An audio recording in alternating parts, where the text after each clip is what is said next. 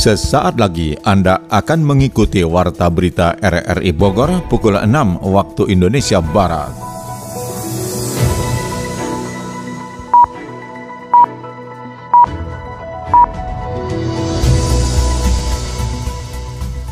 Selamat pagi, saudara. Kita kembali bersua lewat Warta Berita Minggu 19 November 2023. Berita akhir pekan kami isi dengan rangkuman berita sepekan. Siaran ini juga dapat Anda dengarkan melalui audio streaming RRI Digital. Bersama saya Mukhlis Abdillah, inilah rangkuman berita sepekan selengkapnya.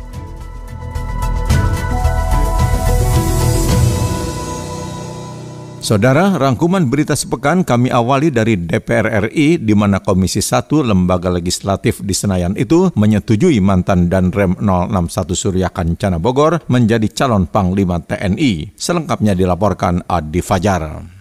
Komisi 1 DPR RI menyepakati Kepala Staf Angkatan Darat atau Kasat Jenderal Agus Subianto menjadi calon Panglima TNI. Keputusan itu diambil usai Jenderal Agus Subianto menjalani fit and proper atau uji kepatutan dan kelayakan di gedung DPR RI Senayan di Jakarta pada Senin 13 November 2023. Ketua Komisi 1 DPR RI Mutia Hafid mengatakan bahwa seluruh fraksi yang berjumlah 9 telah menyetujui mantan Komandan Korem 061 Surya Kencana Bogor itu menjadi calon Panglima TNI. Dalam uji kepatutan dan kelayakan Jenderal Agus memiliki visi prima, yaitu TNI yang profesional, responsif, integratif, modern, dan adaptif. Beberapa poin menjadi program yang dibuat calon Panglima TNI Jenderal Agus seperti terkait profesionalitas TNI serta kesejahteraan prajurit. Hal yang juga menjadi prioritas kata Mutia juga terkait netralitas TNI dalam pesta demokrasi pemilu 2024. Ia pun telah membentuk panitia kerja untuk memastikan TNI netral dalam pemilu 2024.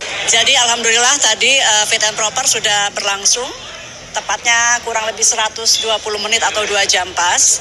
Uh, berbagai pendalaman dilakukan, beliau sudah menyampaikan visi misi dan akhirnya dalam rapat intern Komisi 1 ke 9 fraksi uh, semuanya sepakat, jadi tidak ada voting, ini musyawarah mufakat secara bulat bahwa seluruh fraksi menyetujui pemberhentian uh, Pak Yudo sebagai Panglima TNI dan juga pengangkatan Pak Agus, Jenderal Agus sebagai Panglima TNI dengan harapan-harapan di antaranya adalah profesionalitas TNI yang perlu dijaga, kemudian juga kesejahteraan prajurit dan tadi tentu uh, juga ya seperti yang banyak dibahas adalah untuk menjaga TNI netral di pemilu 2024. Beliau sanggupi semuanya dan Komisi 1 juga sudah membentuk panja netralitas TNI. Jadi insya Allah dari penjelasan tadi tidak ada keraguan untuk netralitas TNI. Jenderal TNI Agus Subianto merupakan abituren Akademi Militer atau Akmil tahun 1991 dan berasal dari Korps Infanteri Komando Pasukan Khusus atau Kopassus. Sebelum diangkat menjadi kasat, sejumlah jabatan strategis diemban oleh Agus seperti Komandan Kodim 0735 Surakarta dan Rem 061 Surya Kencana Bogor, Komandan Pas Pampres hingga Pangdam 3 Siliwangi, Jawa Barat. Menyambut Pesta Demokrasi 2024, KPU Kabupaten Bogor menggelar kirab pemilu.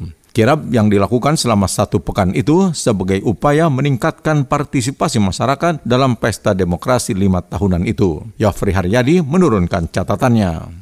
Kesiapan KPU Kabupaten Bogor menghadapi pemilu 2024 ditunjukkan dalam kegiatan kirap pemilu 2024 di lapangan Tegar Beriman Cibinong. Tidak hanya penyelenggara dan pengawas pemilu saja, peserta pemilu yakni partai politik juga menjadi bagian dalam suksesi pesta demokrasi lima tahunan itu. PLT Ketua KPU Kabupaten Bogor Heri Setiawan mengatakan tidak hanya kegiatan seremoni kirap pemilu dengan membawa bendera dan pataka pemilu dari satu daerah ke daerah lainnya hingga ke KPU RI. Dalam satu pekan ini KPU Kabupaten Bogor menggelar serangkaian program sosialisasi menyasar pada kelompok milenial, masyarakat umum, dan kalangan profesional, seperti di sekolah, kampus, pondok pesantren, pasar, serta organisasi profesi dan kepemudaan. Rangkaian kegiatan tersebut dilaksanakan hingga tanggal 28 November nanti. Pada tanggal 28 November itu adalah hari hari awal masa kampanye pemilu dimulai secara resmi secara tahapan pemilu 2024. Dan kirap pemilu ini di Kabupaten Bogor akan dilakukan selama satu pekan di lima titik-titik wilayah yang mempresentasikan uh, wilayah dapil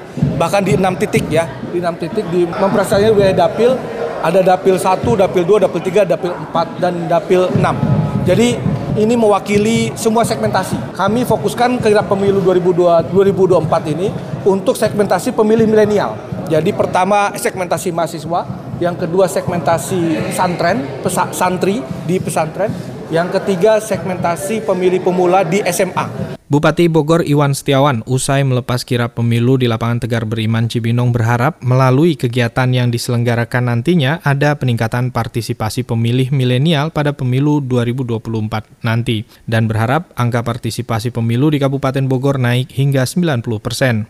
Gesekan-gesekan di masa bahwa kita ini pemilu riang yang tadi disimbolkan oleh KPU. Mudah-mudahan ini kegiatan rutin lima tahunan bukan kegiatan baru, jadi masyarakat juga sudah dewasa, sudah bisa menentukan dan ya menghindari yang namanya provokasi mudah-mudahan itu dan juga bisa meredam kegaduhan atau hal-hal yang tidak diinginkan di kegiatan pesta demokrasi tahun 2024 ini. Kira pemilu akan dilakukan selama satu pekan pada enam titik daerah pemilihan di Kabupaten Bogor mewakili semua segmentasi serentak diselenggarakan di seluruh Indonesia. Selain Ketua KPU Kota dan Kabupaten Bogor turut hadir juga dalam kegiatan tersebut Ketua KPU Provinsi Jawa Barat, Ketua Bawaslu Kota dan Kabupaten Bogor, pimpinan partai politik Kapolres Depok dan mewakili Kapolres Bogor. Polres Bogor bakal menindak tegas perusuh dan pembuat onar dalam pemilu 2024. Kapolres Bogor AKBP Rio Wahyu Anggoro menegaskan TNI dan Polri di wilayahnya akan mengerahkan 100% kemampuannya mengantisipasi kemungkinan pihak-pihak yang ingin merusak pesta demokrasi tersebut. Yofri Haryadi kembali menurunkan catatannya. Kapolres Bogor AKBP Rio Wahyu Anggoro akan menindak tegas pelaku perusuh dan pembuat onar selama tahapan pemilu berlangsung, bahkan tidak akan mentolerir kepada siapa pun yang mengganggu Kamtipmas serta pertahanan di pemilu 2024. Hal tersebut disampaikan dalam kegiatan forum silaturahmi Kamtipmas, FSK, dan instansi Pemda Kabupaten Bogor di Aula Satnika Satyawada Polres Bogor di Cibinong. AKBP Rio Wahyu Anggoro menerangkan bahwa TNI dan Polri tidak dapat di dipecah belah dan siap bahu-membahu menciptakan pemilu 2024 secara damai. Dalam pemaparannya, Kapolres Bogor itu pun tidak segan-segan akan memberikan tembakan peringatan serius bagi para perusuh pemilu 2024. Tadi dan menghadap saya, waktu kita tinggal beberapa hari lagi. Jangan pernah kita sedikit pun lengah dengan adanya penyusup yang mencoba memporak-porandakan pesta demokrasi yang ada di Kabupaten Bogor. Itu yang dapat saya sampaikan, saya dan Dandim akan selalu bertanggung jawab dan di depan rekan-rekan semua. Tidak ada kata, pertahankan NKRI, NKRI harga mati.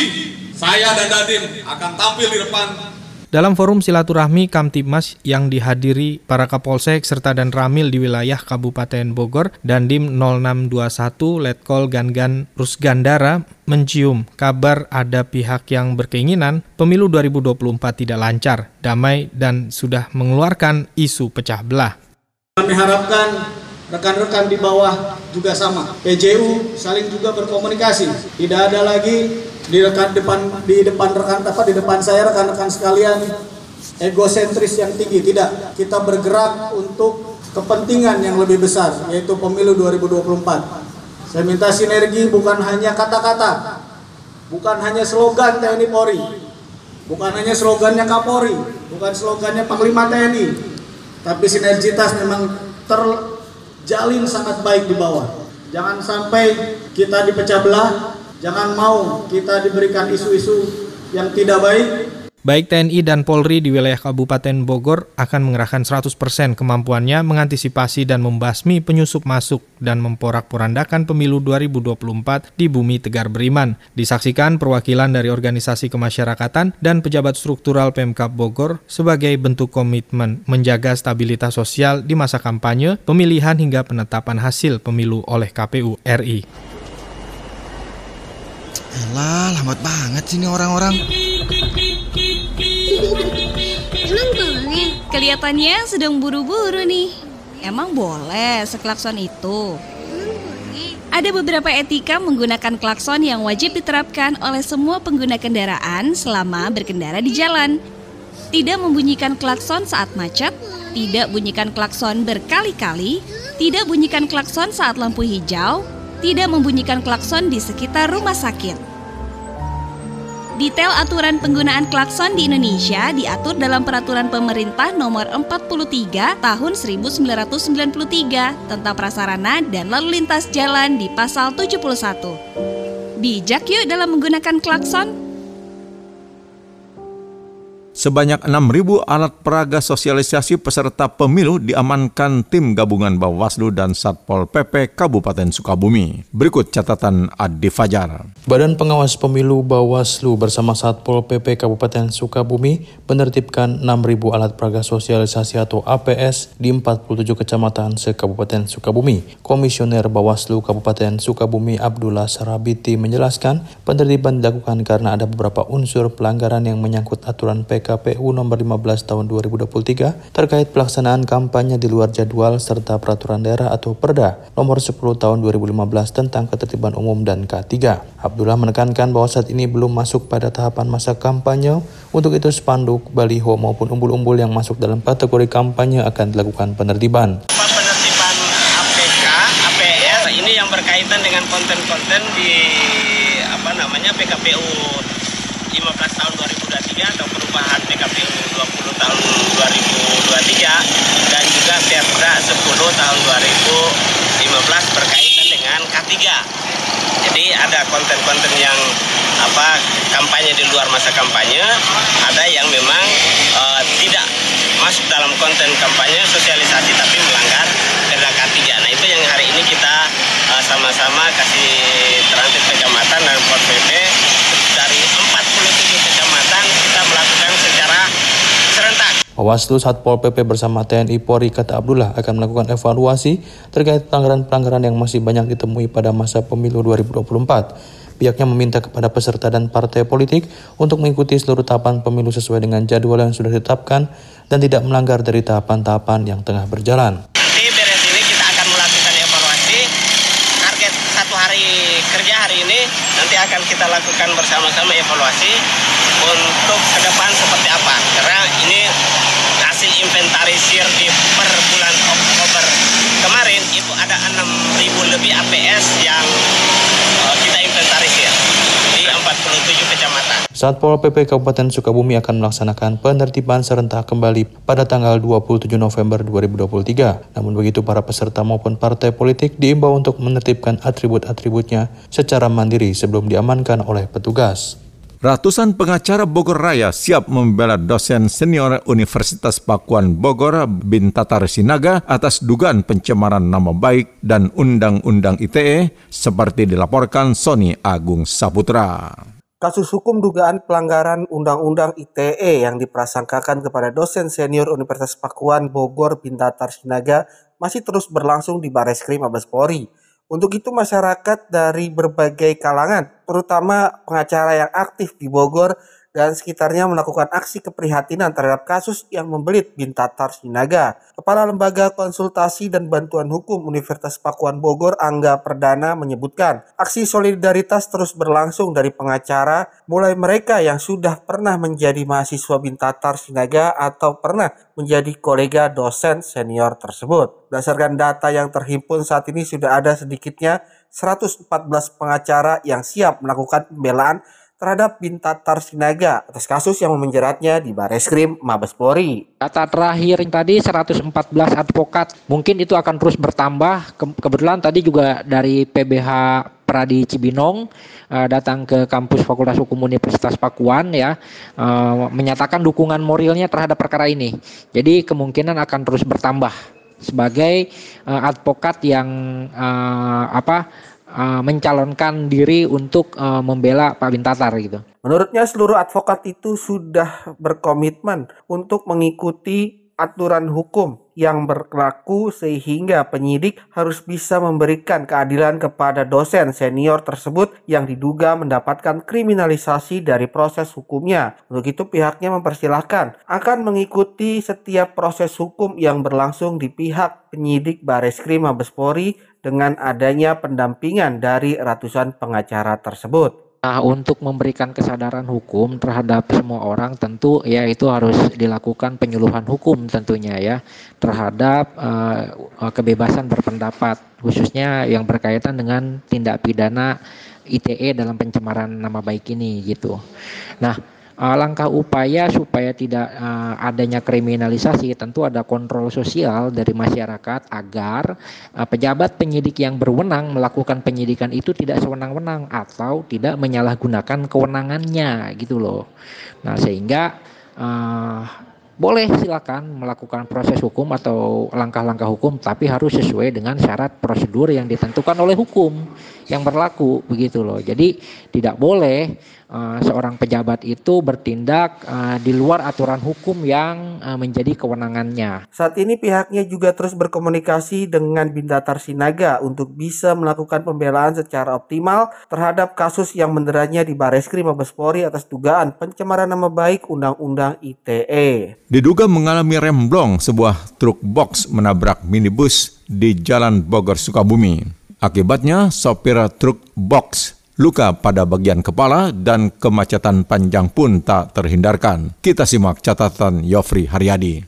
Sebuah truk box kehilangan kendali dari arah Cigombong menuju Caringin, Kabupaten Bogor, diduga akibat rem kendaraan tidak berfungsi dengan baik. Truk box dengan nomor polisi F8611HS yang dikemudikan Yanto membanting setir ke arah kiri hingga menabrak sebuah mobil Avanza di sekitar Jalan Bogor, Sukabumi di Desa Muara Jaya, Kecamatan Caringin, Kabupaten Bogor. Salah seorang saksi mata di lokasi kejadian, Jajang, mengatakan peristiwa terjadi Senin pagi sekitar pukul 11.00 siang. Saat itu Jajang yang juga pengemudi mobil bak mengangkut tanaman hendak menurunkan muatannya dan belum muatannya diturunkan terkena hempasan mobil Avanza yang ditabrak truk yang dikemudikan Yanto. Tabrakan beruntun pun terjadi hingga truk terguling berhenti setelah menyeruduk deretan warung di pinggir Jalan Caringin Bogor. Awalnya pos ini lagi berhenti nurunin kebang dari pinggir, ini jadinya jeblok eh, katanya jeblos rem nyenggol dulu mobil nabrak dulu mobil yang putih tinggal kanan tinggal di kiri. Oh, akhirnya nyebrang dulu ya jam 11 jam 11 kejadiannya ya. Korban supir luka-luka sekarang dibawa di rumah sakit 24 jam. Ini supir mobil box. Mobil box. Bawanya Unilever. Oh. produksi Unilever. Ya kerugian saya sekitar kebetulan mobil kurang lebih 10 jutaan lah. 10 jutaan. Sendiri dari Pasir Muncang sini mau nurunin kembang berhenti di pinggir. Oh gitu. Nah, belum juga turun, saya juga belum juga turun, tiba-tiba mobil dari belakang. Ya. Mobil box diketahui membawa produk makanan dari gudang Unilever yang berada di Sukabumi. Selain dua kendaraan yang mengalami kerusakan, dua unit sepeda motor warga yang terparkir di sekitar lokasi juga menjadi korban dengan kerusakan cukup parah. Sementara sopir truk box mengalami luka pada bagian kepala dan dilarikan ke rumah sakit 24 jam di Caringin Bogor. Tidak ada korban jiwa dalam peristiwa tersebut, akan tetapi kemacetan panjang terjadi di Jalan Caringin Cigombong saat evakuasi truk dan mobil Avanza oleh unit lakap Ciawi Polres Bogor. Ratusan massa yang terdiri dari dosen, mahasiswa, serta advokat menggelar aksi solidaritas di Bares Krim Mabes Polri. Aksi dilakukan untuk mendukung dosen senior Unpak Bogor bin Tatar Sinaga yang dijadikan tersangka atas dugaan pelanggaran Undang-Undang ITE. Adi Fajar menurunkan laporannya. Sivitas Akademi Fakultas Hukum Universitas Pakuan Bogor bersama mahasiswa, alumni, dan perkumpulan advokat pagi ini menggelar aksi solidaritas untuk mendukung dosen senior Bintatar Sinaga yang terlibat kasus hukum. Bintatar Sinaga menjadi tersangka atas dugaan pelanggaran Undang-Undang Informasi Transaksi Elektronik atau ITE yang dilaporkan mantan dekan Fakultas Hukum Universitas Pakuan Bogor Yenti Ganarsi. Wakil Dekan Bidang Akademik Fakultas Hukum Universitas Pakuan Bogor Raden Muhammad Mihradi menilai penetapan tersangka dari Bintatar Sinaga tidak memenuhi prinsip keadilan dan ketidakrelevansian terhadap yang bersangkutan terkait video orasinya di kampus yang mengkritik kebijakan Yenti Ganarsi kala itu sebagai Dekan Fakultas Hukum. Menurutnya kampus tidak bisa dijadikan objek hukum dalam hal mengkritik sebab kampus merupakan wadah kebebasan akademik untuk berekspresi bagi setiap warganya. Dan menyampaikan sikap dan surat kepada Kapolri keberatan atas penetapan tersangka Pak Bin Tatar yang menurut saya menurut kami semua ya eh, tidak memenuhi apa eh, eh, prinsip hukum dan apa namanya keadilan. Pertama Pak Bin Tatar usia sudah 75 tahun, eh, kemudian juga gaptek dalam bidang teknologi dikenakan pasal 27 Undang-Undang ITE terkait dengan mendistribusikan, mentransmisikan eh, dokumen elektronik ya yang sudah pasti ini tidak masuk ke Pak Bin. Terus yang kedua eh, Pak Bin Tatar itu bersama kami sebenarnya adalah mengkritik di kampus sebagai mimbar kebebasan akademik untuk berekspresi untuk mengkritik kebijakan dekan yang ketika itu tata kelola perguruan tinggi dekan Bu Yanti Garnasi ya itu tidak apa tidak baik dan tidak benar. Jadi itu bagian dari kebebasan demokrasi. Selain itu, dugaan kriminalisasi terhadap dosen ini kata Miradi merupakan suatu ancaman demokrasi yang membahayakan bangsa ini. Pihaknya bersama sejumlah NGO, kebebasan berekspresi, mendesak untuk dilakukannya revisi terhadap pasal-pasal karet dalam Undang-Undang ITE. E, komplain kami disampaikan kepada rektor ketika itu, itu Prof. Bibin. Jadi kami merasa ini sebagai bentuk apa, ancaman terhadap kebebasan berekspresi. Dan kami juga tergabung dengan e, koalisi serius ya, gabungan eh, NGO untuk kebebasan berekspresi dan uh, anti kriminalisasi undang-undang ITE yang akan juga bergabung di Bareskrim hari ini untuk semangat menyuarakan ini adalah bentuk contoh bagaimana undang-undang ITE perlu segera direvisi agar tidak muncul dengan pasal-pasal karet ini pemidanaan pada orang yang tidak benar. Senada dengan itu, Ketua Badan Eksekutif Mahasiswa atau BEM Fakultas Hukum Universitas Pakuan Bogor, Fahri Fadila, menilai dugaan kriminalisasi terhadap dosen ini merupakan presiden buruk dari demokrasi di kampus. Ia khawatir dari kasus ini kebebasan berekspresi para mahasiswa di kampus terancam karena undang-undang ITE yang dapat menjerat siapa pun. Uh, yang menjadi keberatan kita adalah penetapan Pak Bibin berawal dari aksi demonstrasi juga. Artinya ini kan adalah suatu bentuk ekspresi yang di dituangkan oleh Pak Bibin gitu. Nah, ini sangat keberatan bagi kita karena ini dilakukan di lingkungan kampus. Nah, sejatinya lingkungan kampus kan adalah tempatnya untuk berdinamika, untuk berdialektika. Yang kita takutkan adalah dengan adanya kasus tersangka ini, teman-teman dari mahasiswa ikut merasa takut untuk berkritik untuk berkritis karena takut untuk dikriminalisasikan. Nah itu yang menjadi keberatan bagi kita semua. Sebelumnya dosen senior hukum pidana Universitas Pakuan Bogor, Bintatar Sinaga, ditetapkan menjadi tersangka atas dugaan tindak pidana pencemaran nama baik dalam Undang-Undang ITE yang ditandatangani oleh Direktur Tindak Pidana Siber Barreskrim Mabespori Brigjen Adi Vivit. Penetapan tersangka ini dinilai kampus tidak relevan terhadap Bintatar Sinaga karena tidak mengedepankan asas keadilan. Saudara, Anda tengah mengikuti rangkuman berita sepekan dari Radio Republik Indonesia Bogor.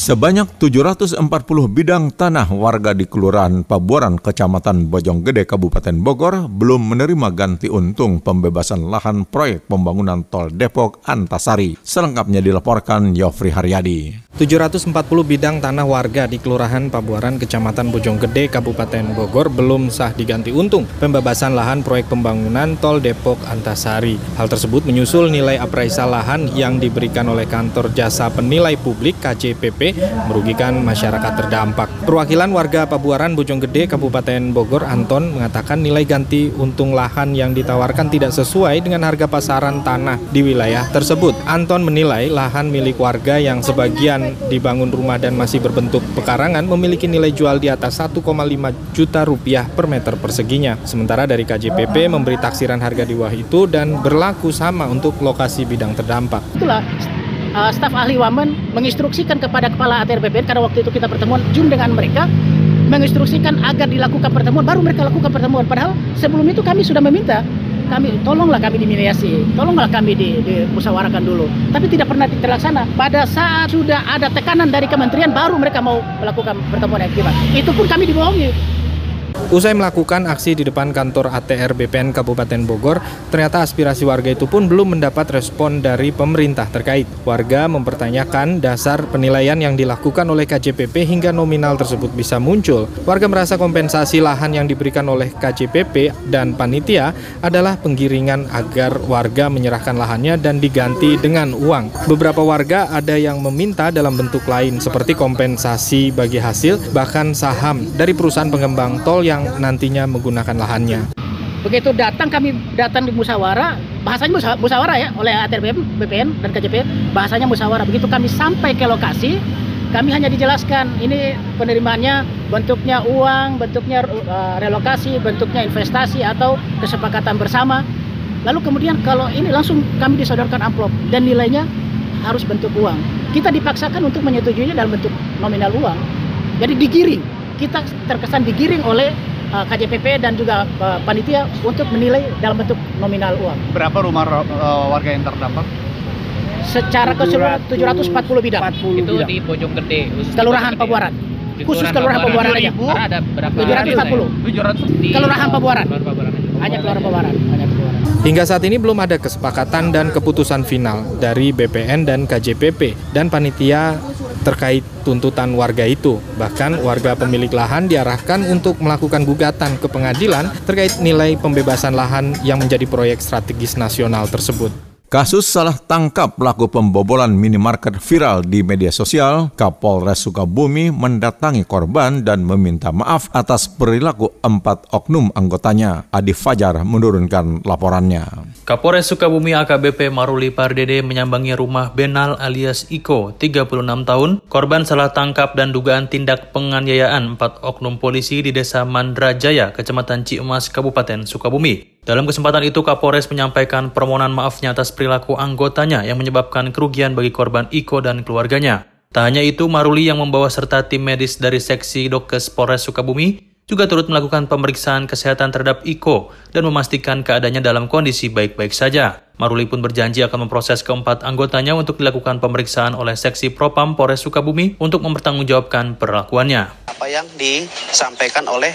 Kasih Propam kepada saya terhadap pemeriksaan empat oknum anggota Satreskrim Polres Sukabumi. Dari sini yang pertama kita akan memproses terhadap anggota melalui mekanisme yang ada yaitu dari Propam melakukan pemeriksaan dan pendalaman terhadap kejadian tersebut. Yang kedua, saya juga mengajak kasih dokes di sini untuk ketemu dengan Pak Iko untuk memastikan bahwa Pak Iko dalam keadaan baik-baik saja dan sehat ke depan bumi dan Pak Iko beserta keluarga besarnya berkenan untuk menerima permohonan maaf. Mudah-mudahan permasalahan ini bisa selesai, clear. Iko sempat ditangkap tim Opsnal Satreskrim Polres Sukabumi pada Kamis 9 November 2023 malam. Korban ditangkap karena dituduh sebagai pelaku pembobolan minimarket yang dibobol sekawanan pencuri pada Rabu 8 November 2023 dini hari. Iko mengakui pada hari kejadian pencurian ia sempat beristirahat di dalam mobil Toyota Avanza. Mobil yang dikendarainya berhenti pas di depan minimarket yang dibobol maling. Keesokan harinya, Iko disergap oleh tim Opsnal Satreskrim Polres Sukabumi. Setelah sempat ditahan, Iko akhirnya dilepaskan oleh polisi. Kasus salah tangkap dan dugaan penganiayaan ini pun kemudian viral di media sosial. Korban kecelakaan lalu lintas yang viral, ambulans disembunyikan pihak rumah sakit mendapatkan perawatan di RSUD Kota Bogor. Berikut catatan Yofri Haryadi. Viralnya informasi RSUD Lewiliang menyembunyikan ambulans untuk menghindari pelayanan kesehatan pasiennya akhirnya terbantahkan. Bupati Bogor Iwan Setiawan menegaskan kronologis informasi yang viral di media sosial serta sebagian pemberitaan tidak sesuai dengan fakta di lapangan. Dari hasil rapat koordinasi antar SKPD dan Direktur RSUD Sekabupaten Bogor terungkap jika pasien kecelakaan lalu lintas warga Kecamatan Nanggung Kabupaten Bogor yang dilarikan ke RSUD Lewiliang tidak sabar dalam menerima pelayanan medis dari RSUD setempat. Dijelaskan Bupati Iwan, RSUD Lewiliang tidak memiliki dokter spesialis saraf untuk melakukan penindakan medis kepada pasien kecelakaan karena tidak memiliki dokter spesialis saraf sehingga harus dirujuk ke RSUD Kota Bogor. Tukang ngepel atau apa, apa ya, kebersihan, satpam, uh, di, uh, di, direktur, dan direktur utamanya jawabannya nggak ada itu. Ambulan diumpetin. Yang ada adalah masalah uh, warga yang ingin akan kecelakaan, kena peralatan dan dokternya tidak ada, harus pakai rujukan ya. ke rumah sakit yang memang ada, spesialis bedah saraf.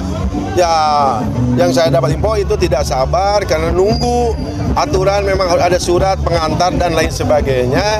Itu masalahnya. Jadi berita dengan yang realita di lapangan itu ternyata beda. Didampingi Kepala Diskominfo Kabupaten Bogor Bayu Rahmawanto, pihaknya sudah menginstruksikan untuk melakukan klarifikasi melalui camat Nanggung dan Kepala Desa bersangkutan untuk mengunjungi keluarga korban untuk membenarkan fakta serta kronologinya tidak seperti yang tersebar di media sosial. Uh, apa ya Camat Nanggung gimana udah konfirmasi? Sudah konfirmasi dan yang benar adalah di rumah sakit. Tuh, saya kemarin rapat kebetulan rapat koordinasi seluruh SKPD dan camat. Saya perintahkan Bapak Ae Camat Nanggung datangin keluarga yang kemarin viral. Konfirmasi, klarifikasi masalahnya apa? Ternyata jawabannya benar apa yang disampaikan oleh pihak rumah sakit. Nah, ini saat ini korban kecelakaan sudah mendapatkan perawatan medis di RSUD Kota Bogor sesuai dengan diagnosa dokter RSUD Lewiliang Kabupaten Bogor. Penggunaan ambulans milik RSUD harus didasarkan pada surat pengantar dari rumah sakit ke rumah sakit rujukan dan memerlukan proses administrasi berjenjang. Warga mengeluhkan kerusakan jalan yang menghubungkan Desa Ciomas dan Paglaran di sekitar pintu ledeng Ciomas, Kabupaten Bogor. Selain berlubang, jalan rusak itu rawan kecelakaan saat hujan dan terjadi genangan. Kita simak kembali catatan Yofri Haryadi. Jalan rusak yang menghubungkan Desa Ciomas dan Pagelaran di sekitar pintu ledeng Ciomas Kabupaten Bogor dikeluhkan warga. Kerusakan jalan berupa lubang dan tertutupnya saluran drainase akibat gerusan aspal dan cor jalan serta rawan kecelakaan pada saat hujan atau terjadi genangan. Salah seorang ketua RT 4 Desa Ciomas Awaludin sudah berkali-kali meminta kepada pihak kecamatan dan desa untuk perbaikan simpangan jalan pintu ledeng Ciomas Bogor. Namun belum ada tindakan nyata untuk perbaikannya. Perbaikan jalan hanya hanya dilakukan sekali dalam kurun waktu yang lama. Seiring tingginya curah hujan saat ini, kerusakan jalan Ciomas pintu ledeng semakin parah. Yang tidak layak untuk dipakai lagi ya, apalagi kalau ada hujan turun, kelihatan bagus jalan padahal itu ada lubang, banyak kendaraan-kendaraan yang terjadi kecelakaan. Tolong kepada dinas terkait khususnya untuk segera diperbaiki jalan rayanya jalan raya yang ada di sekitar Ciomas Pintu Terkait keluhan kerusakan jalan oleh warganya, Kepala Desa Ciomas Jaja Gozali mengungkapkan jalan pintu ledeng Ciomas masih berada di atas lahan milik Perumda Tirta Kahuripan Kabupaten Bogor. Semula akses jalan tersebut adalah jalan inspeksi menuju sumber mata air baku bagi wilayah pelayanan perusahaan air bersih di Ciomas, Kabupaten Bogor. Jaja menambahkan jalan dengan panjang sekitar 1.300 meter dengan lebar 4,5 meter tidak dapat diperbaiki menggunakan dana samisade dan dana desa. Sekarang ini banyak aduan dari warga masyarakat baik dari desa Pagelaran maupun desa Ciomas yang mengeluhkan kerusakan dan sering terjadinya kecelakaan terutama ibu-ibu yang membawa anak-anaknya. Kondisi ini sudah saya laporkan. Kalau warga masyarakat menganggapnya bahwa itu adalah jalan desa. Kalau saja saya sudah katakan berkali-kali, kalau saja saya diwenangkan untuk menggunakan dana desa menghotbi jalan pintu ledeng saya laksanakan. Tapi kan itu bukan haknya. Ataupun dari samisade kan gitu. Dicor pun sekalipun bisa oleh saya di pintu ledeng tapi kan itu sekali lagi itu ranahnya bukan ranah desa. Tapi masyarakat tahunya itu adalah jalan desa. Warga telah bersurat melalui Kepala Desa kepada Perumda Tirta Kahuripan, Kabupaten Bogor, untuk memberikan atensi terkait keluhan warga yang jalan lingkungannya rusak dan memerlukan perbaikan dengan segera. Saudara, demikian rangkuman berita sepekan dari Radio Republik Indonesia Bogor. Siaran ini dapat Anda dengarkan kembali melalui podcast kami di Spotify, Anchor, Podtail, dan Google Podcast. Saya Muhlis Abdillah merangkap Des Editor bersama penata teknik Novel Novian Syah mengucapkan terima kasih atas kebersamaan Anda. Selamat pagi.